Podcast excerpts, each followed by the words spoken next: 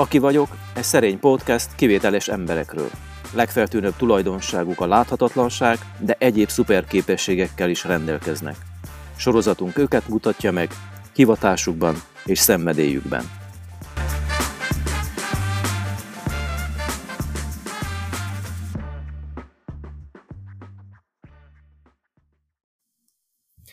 Mai vendégem Bujáki Tünde, egyetemi oktató, szociális munkás, és önkéntes lelkiegészség területén. Szia! Szia! Szia, Ernő! A, egy szarvas, te milyen környezetben látnál szívesen? Ú, ez nagyon érdekes, mert valamilyen csörgedező patak mentén egy erdőbe, de ahogy a szarvasbe, tehát a szarvast, ahogy mondtad, nem egy pozitív dolog jutott elsőként eszembe, hanem a Frida Kahlo-nak a festménye amin ugye egy szarvas testén festi le a saját arcképével a sebzettségét, a traumáit, és ugye e, nyílvesztők állnak ki a testéből. Úgyhogy nem egy pozitív kép jutott egyből eszembe, de alapvetően egy, egy, egy patak mentén tudnám elképzelni, de valahogy most így a Frida Kahlo-nak a képe jutott eszembe a szarvasról. Milyen érdekes, hogy akkor, amikor bejön valami diszkomfortos érzés, akkor, akkor nem érezzük jól. Én legalábbis nem érzem jól magam, és most ha visszacsatolok itt is, hogy egy szép környezetben szarvas, de azért, hogy volt egy kis ilyen, hogy, hogy elnő basszus nem az jutott eszembe, hogy, hogy ez egy szép kép, hanem a, a Frida Kahlo-nak a, a festvénye. Ez a munkád, munkád miatt van? Amit bejött? Valószínű, mert hogy, hogy több előadáson fókuszált a traumákra, ami ugye a mentális zavarral élő emberek életében nagyon gyakran a problémák hátterében az húzódik meg. És az előadásaim illusztrációjánál nagyon sok képet használok, hisz, hisz ő annyi traumát megélt, akár a testi traumáktól a lelki traumákig, és ő annyira átadja ezeket a traumákat az alkotásaink keresztül, hogy én sok alkotást szoktam használni illusztrációként az előadásomhoz, és valószínű, hogy ezt hívta be azt, hogy elsőként nem a csörgedező patak, hanem vagy párhuzamosan jelentkezett be a fejembe ez a két kép, hogy áll egy csörgedező patak mellett egy szarvas, mellette pedig bejön a Frida Kahlo kép, amiben egy sebzett szarvasként fekszik egy erdőben, és nyilvesszőkkel a testében. Úgyhogy, úgyhogy talán Figyelj, hát ha szereted, ha szereted a képet, én azt mondom, hogy menjünk tovább a beszélgetésben ennek a mentén. Egy akkor Frida Kahlo képet, amit így, ami neked a kedvencet, és szívesen vagy szoktál róla beszélni.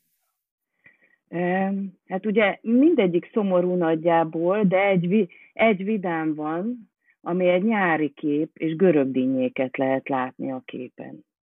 Félbevágott görögdínyét, ezt, ha jól tudom, megmondom őszintén, lehet, hogy nem pontos a, az ismeretem, de már a, az életének a vége felé festette, amikor már nem, akkor általában gyümölcsökről, állatokról festett, és ez egy vidám kép, az összes többi kép azért szomorú szomorú kép, és azért elég nehezen lehet eh, befogadni mondjuk, amikor egy abortált nő fekszik az ágyon, ahol a saját eh, eh, veszteségét jeleníti meg, vagy amikor egy bántalmazott nő mellett áll egy késsel a kezébe egy férfi, aki öt szúrással leszúrta. Szóval azért elég nehéz festményei vannak, azt gondolom, de gyönyörű színeket használ, és nagyon jó kifejezése annak a fájdalomnak, amit ő megélt, meg azt gondolom, hogy egy, egy, egy lehetőség is lehet a traumák feldolgozásának a szempontjából. Használsz te képeket a munkád során? Az egyetemi oktatásnál szoktam, részben úgy, hogy olyan vannak ugye olyan kártyajátékok, amik szimbólumterápiában is szokták használni, és az egyetemi oktatásban van olyan óra, amiben ezt bemelegítő, bevezető gyakorlatként, de azok az órák, aminek keretében a mentális zavarral élő embertársainknak a helyzetét életét, lehetőségeit, felépülését próbálom bemutatni. Ott az előadásaimban, megmondom őszintén, egy kicsit antistigma célzattal is, használok nagyon sok olyan festményt, Salvador Dali, Vincent Van Gogh, Gulácsi, Csontvári, Frida Kahlo, olyan képeket, amivel azt gondolom, hogy meg lehet mutatni azt is, hogy nem csak a, nem csak a hanghalló, vizuális halucinációval élő embert lássák, hanem azt, aki egy alkotó, kreatív, és valami olyan dolgot tesz, amivel a mindannyiunk életét színesebbé tudja tenni, úgyhogy szoktam használni. Mm. Az mekkora munka, hogy egy nagyon nehéz állapotban lévő embernek megmutatni a csörgedező patakot? Szerintem az egy nagyon szép. Tehát az, hogy, hogy, hogy lehetőségek vannak, az, hogy van remény arra, hogy a sötétségből a világosság irányába lehet haladni, ez egy kölcsönös gazdagodási folyamat. Tehát abban segítőként én lehet, hogy eszközöket tudok adni, vagy olyan módszereket, amivel az, az a személy és a családja elindulhat abból, ami a mindennapokban szenvedést okozhat. A mindennapokban izolációt okozhat, mert azért a mentális zavarral élő emberek egy olyan helyzetben vannak, ami, aminek a kapcsán azért a stigmatizációval így vagy úgy szembesülnek. Akár azzal, hogy valaki stigmatizálja őket, akár azzal, hogy önmagukat stigmatizálják. A társadalmi stigmatizációtól való félelem következtében, de ezen az úton közösen haladni, ez egy nagyon nagy élmény, mert hogy én is nagyon sokat tanulok.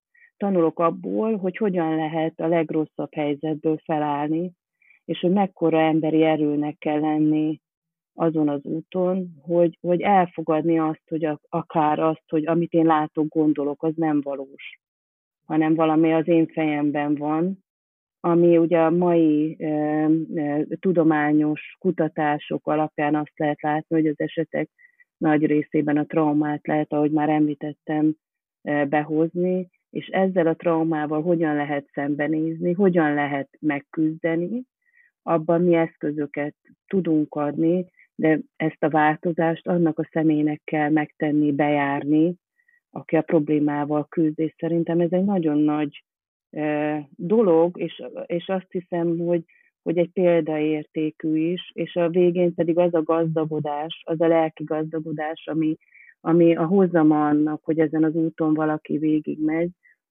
az, az azt gondolom, hogy ez egy olyan csodára ad lehetőséget, amiben azért a, a, a szakember, ha osztozhat, az a szakembernek is egy jó érzés, mert hogy, hogy részese tudott lenni. Hmm. Van egy olyan eseted, nem tudom mennyire lehet megosztani, én tudom, hogy ez nagyon, nagyon kényes, hogy mit osztok meg, mert mennyit osztok meg abból, amit, amit csinálok, és amikor valakivel együtt vagyok, és próbálok mellette lenni. De egy olyan eset, amikor és maradok ilyen nagyon költői, meg ilyen képi hasonlatnál, hogy ráébred arra, hogy ugyan ott van egy barlangban, de van egy patak, ami kivezet valahová. Hogy egy ilyen esetet, amikor, amikor felfedezte azt, hogy van egy patak is, amire, hogyha ráül, akkor az kiviszi őt valahová. Mhm.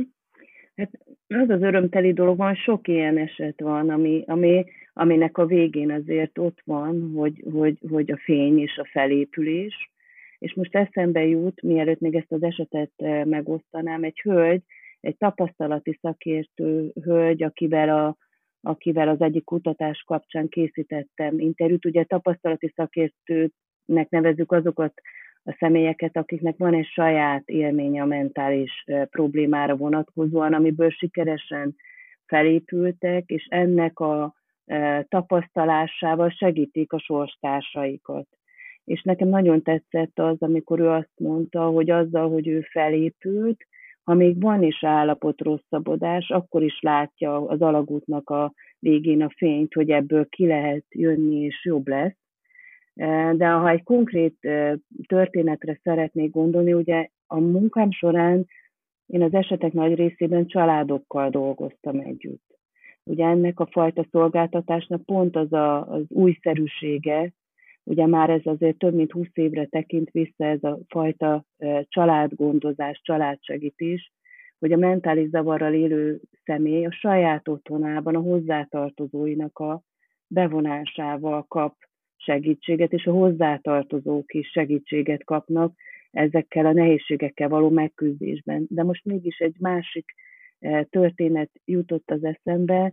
Én mielőtt a pszichiátriai klinikán kezdtem el dolgozni, azt megelőzően egy hajléktalanok átmeneti otthonában dolgoztam szociális munkásként. És ott volt egy úr, akinek én a segítője voltam, akinek akkor rajzolódott ki, hogy van egy mentális problémája. Egy pszichotikus állapottal bekerült egy pszichiátri osztályra. És a mi kapcsolatunk igazából körülbelül akkor kezdődött, és amikor én eljöttem már erről a hajléktalanok átmeneti otthonából, és átmentem a klinikára, a mi kapcsolatunk megmaradt. És azt gondolom, hogy, hogy azt, hogy egy más jellegű szolgáltatásban akkor a, tudásaimban, készségeimben gazdagodva, mert nagyon sokat ott tanultam már meg a terepen, ebben az intézményben, amit később ebben az ébredések alapítvány vett át. Így kezdtünk el közösen dolgozni, és azt hiszem, hogy az ő útja az én szívemet azért melege, melengeti, mert hogy a hajléktalanságból eljutott oda, hogy saját otthona legyen. Nyilván ehhez kellett erőforrás, kellett ő, kellett azt, hogy ő akarja azt, hogy a változásban előre jusson, de kellettek a lehetőségek is, mert a lakáshoz jutásában fontos szerep volt a 12. kerületi önkormányzatnak, aki, aki azt gondolta, hogy egy olyan programot ö, ö, hoz létre, amiben hajléktalanságban élő emberek bizonyos feltételeknek, ha megfelelnek, ilyen például a munkaviszony, önkormányzati bérlakáshoz juthatnak. És azt gondolom, hogy ez egy nagyszerű lehetőség, eh, amivel az úr élni tudott, de ebben benne volt az is, hogy ő ezt akarta is. Vele is készítettem interjút egy kutatás kapcsán, amikor ő kérdeztem tőle, hogy, hogy ő mit gondol, hogy az ő felépülésének az útján milyen tényezők voltak, amik segítettek, vagy mi az, ami előre vitt, mi kellett ez, és akkor ő azt mondta, hogy Hát, hogy ő kellett ehhez, hogy ő akarja. Jó, hogy Tündike jött hozzám, hogy segítsen, de hát ehhez mégiscsak én kellettem, és ez annyira jó élmény volt, hogy, hogy, hogy, hogy igen, tehát én azt gondolom, hogy az utcáról eljutni, hogy lakásban él, és emellett azért mentális zavar okozta problémákkal megküzdeni, és itt egy újabb példát hoznék be az egyik tapasztalati szakértőtől, aki azt mondta, hogy ezt úgy kell elképzelni, mint hogyha egy futóversenyen vennénk részt. Az egyik futón rajta van nagyon spéci futóruha, a másik futón pedig egy vas lovagi jelmez. Ugyanazt a távot kell teljesíteni, de nem ugyanazokkal a feltételekkel.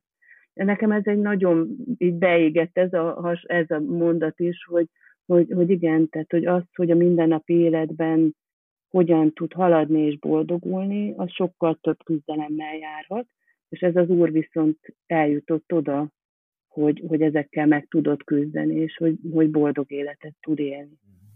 De a futóversenye mind a kettőnek az a célja, és akarja, hogy végigmenjen a távon, ugye? Független hogy miben van. Hát így van. Aha.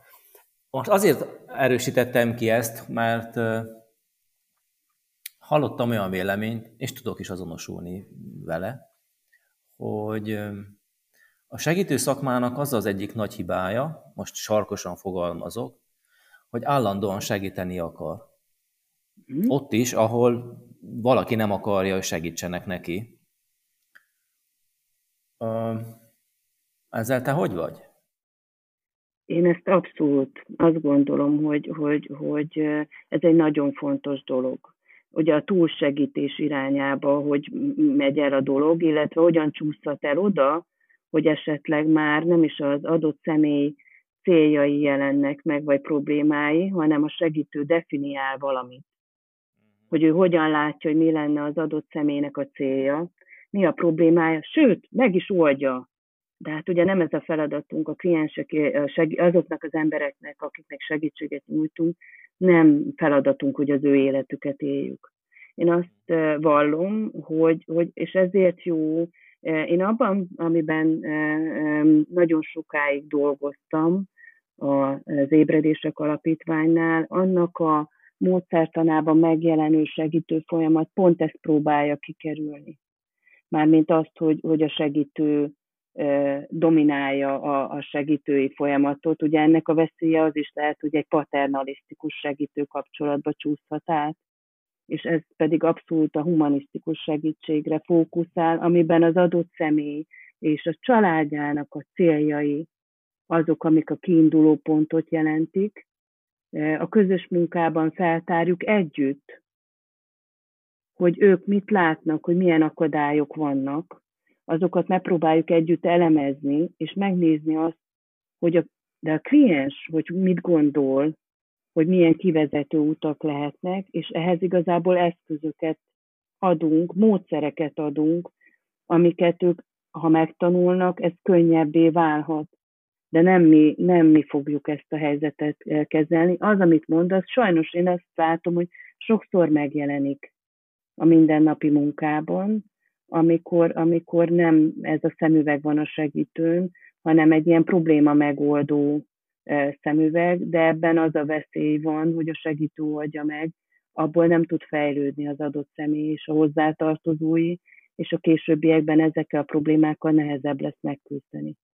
Az jutott tudod eszembe, miközben beszélgettünk, vagy az motoszkált bennem, hogy a remény az, szinte azt kérdeztem, hogy hogyan kelthető fel, vagy egyáltalán fölkelthető, vagy van köze az akarathoz, a reménynek?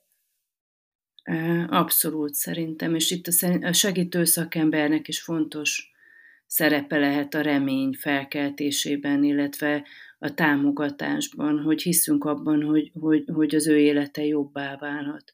A remény az egy kulcsfontosságú dolog ezen a felépüléshez vezető úton, én azt gondolom, és ugye nagyon sokáig pont az volt, hogy olyan módon segítették a, a, az ilyen nehézségek küzdő személyeket, családokat, amiben inkább azt festették le, hogy ez egy olyan típusú probléma, ami élethosszig tart, és egyre nehezebb és nehezebb lesz, ami meg nyilván a reményt veszi el, és a remény azért az egy, ez egy meghatározó dolog, hogy legyen miből táplálkozni a küzdelmek során, én azt gondolom, hogy ez egy fontos dolog, hogy mi hogy tudunk reményen lenni, amivel mi, a mi reményünk pedig reményt ad ezeknek a családoknak, hogy, hogy, hogy a felépülés azért az egy elérhető dolog.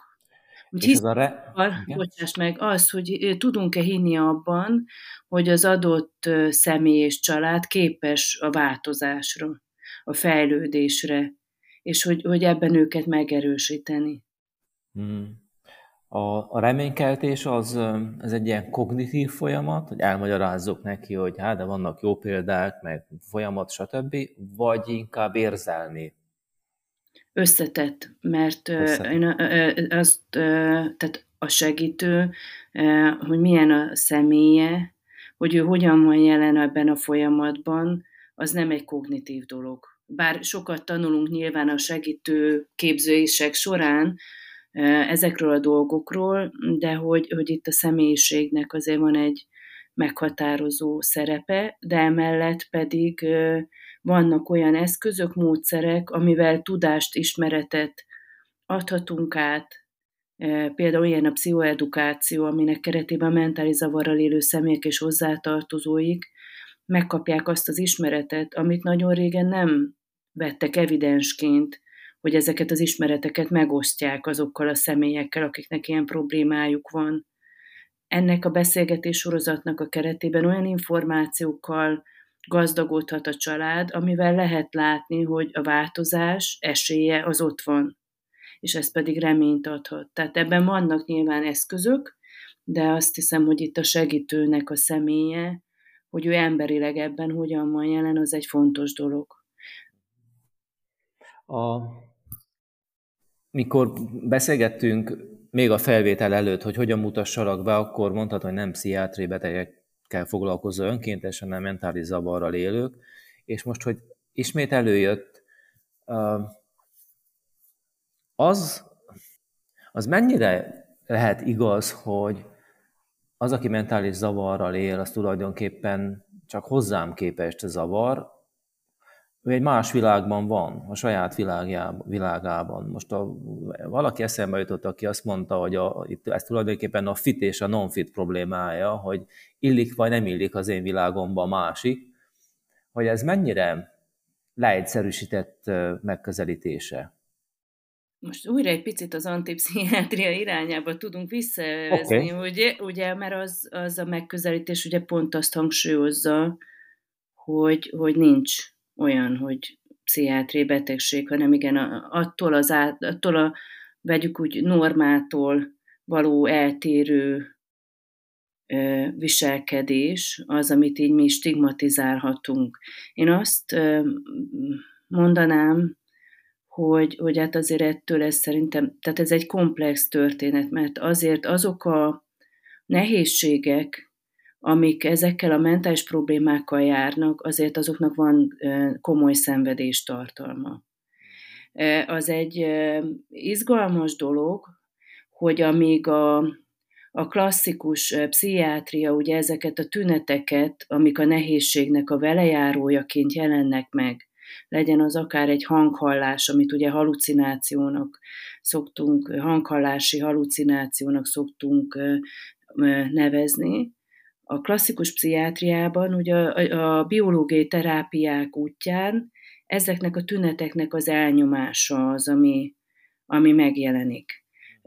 Jó magam, ahol önkénteskedek, és ahol korábbiakban dolgoztam, az ébredések alapítványnál egy olyan szemlélet van, például a hanghallás kapcsán, és ugye a nemzetközi trendek is ezt mutatják sok tekintetben, hogy ezek a nehézségek, tünetek, amik a mentális zavarnak a, a kísérői, e, ezek igazából fel nem dolgozott traumákra hívják fel a figyelmünket, és hogy ezeket nem elnyomni kell, hanem megérteni ezeket a tüneteket, vagy hogyan lehet kooperálni, akár itt a hanghallás kapcsán, aminek e, egy nagyon jó példája Magyarországon most már több mint tíz évvel ezelőtt elindult, szintén az Ébredések Alapítvány támogatásával egy csoport, egy önsegítő csoport, aminek az a neve, hogy hanghalló önsegítő csoport, aminek keretében egy kísérő szakértő, azaz egy hozzátartozó, akinek a családjában van hanghallással élő családtag, egy nemzetközi programra támaszkodva elindították ezt a hanghaló csoportot, ahol önsegítő erőre támaszkodva megpróbálják megérteni, hogy miért hallják azokat a hangokat, és hogyan tudnak megküzdeni, vagy kooperálni ezekkel a hangokkal, és vajon milyen traumák vannak a múltban, amivel, amivel nem néztek szembe. És ezek nagyon izgalmas dolgok irányába vihetnek el bennünket, mert most például eszembe jut az a hölgy, aki harmadik generációs holokauszt túlélő, és ő nagyon sokáig nem tudta magáról, hogy, hogy, hogy egyáltalán zsidó származású, és a hanghallásainál ő sikolyt hallott. És részt vettünk egy olyan tréningen, amit egy felépült hanghalló, egy, egy nemzetközi szinten elismert tapasztalati szakértő, aki idővel maga is pszichológussá vált, úgy hívják az urat, hogy Ron Coleman, tartott egy tréninget nekünk, és ő hívta fel arra a figyelmet, hogy, hogy a praxisában azt látta, hogy akiknél ilyen sikoly jelenik meg, hogy ők holokauszt túlélőknek a leszármazottai.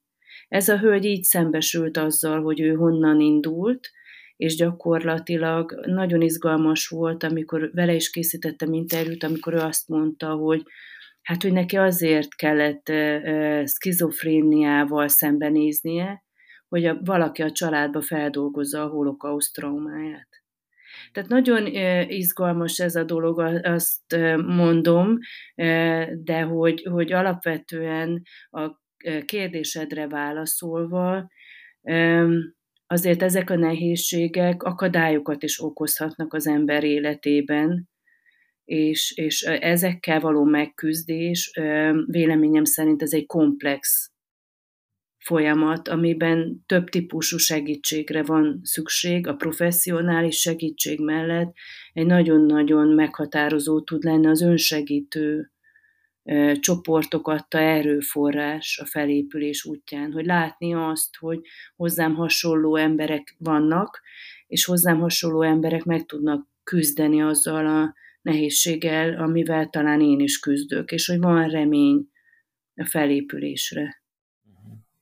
Szóval a segítőnek a beavatkozási pontja az nem a betegség, nem a zavar, nem az, hogy valaki egy másik világban van, hanem a szenvedés? Ö, inkább azt mondanám, hogy a cél, hogy valaki, valaki fejlődni tudjon, és ezektől a nehézségektől meg tudjon szabadulni. Hogy elmúljon az... a szenvedés, vagy enyhüljön? Hát vagy hogy elérje inkább azt, ami örömteli célja, a szenvedés az akadályozhatja őt. Aha. Abban, hogy azt az életet élhesse, amit szeretne. Most e, nagyon nem leszek, nem leszek, nagyon nem leszek PC. Na. De hát beszélgetünk, és teljes jó szándékkal, csak így sokkal plastikusabb, ha így fogalmazok meg. Mi van a boldog bolondokkal?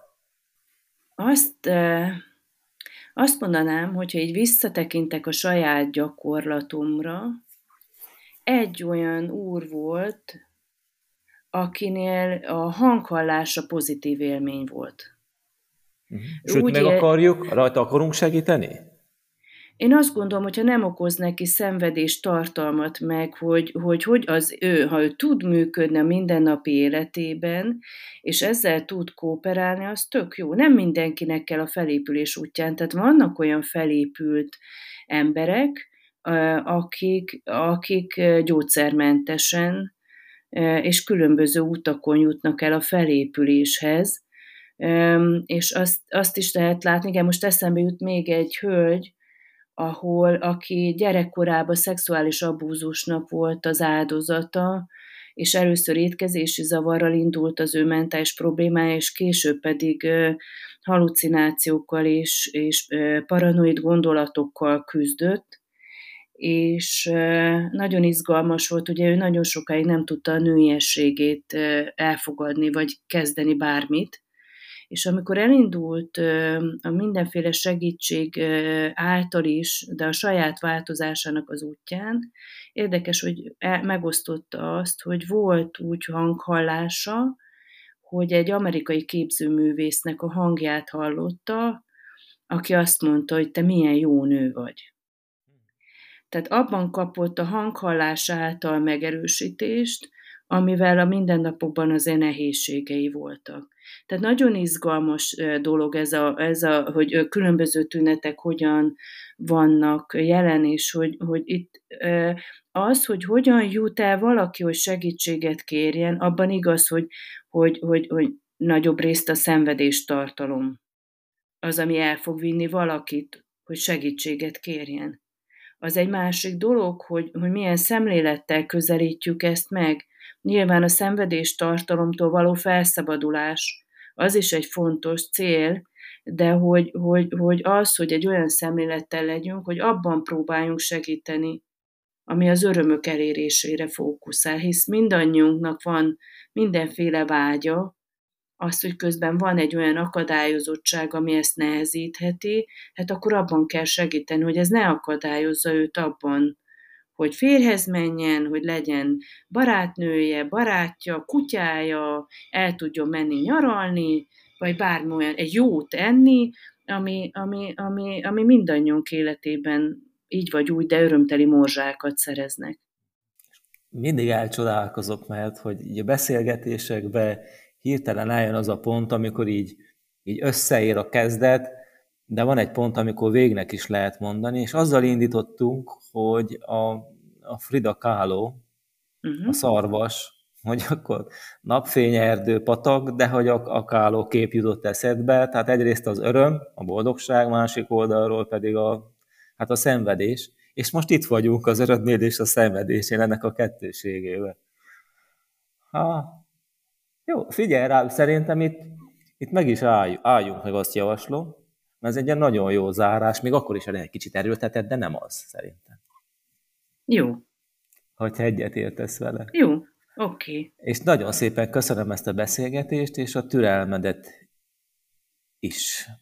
Én köszönöm, hogy beszélgethettem veled, meg hogy kipróbálhattam ezt a műfajt, és izgalmas volt, úgyhogy köszönöm én is a beszélgetést. A podcast a Belügyminisztérium és a Nemzeti Bűnmegelőzési Tanács támogatásával valósul meg, a Ruveus Egyesület Innovációk támogatása a gyermekvédelemben című projektjek keretében.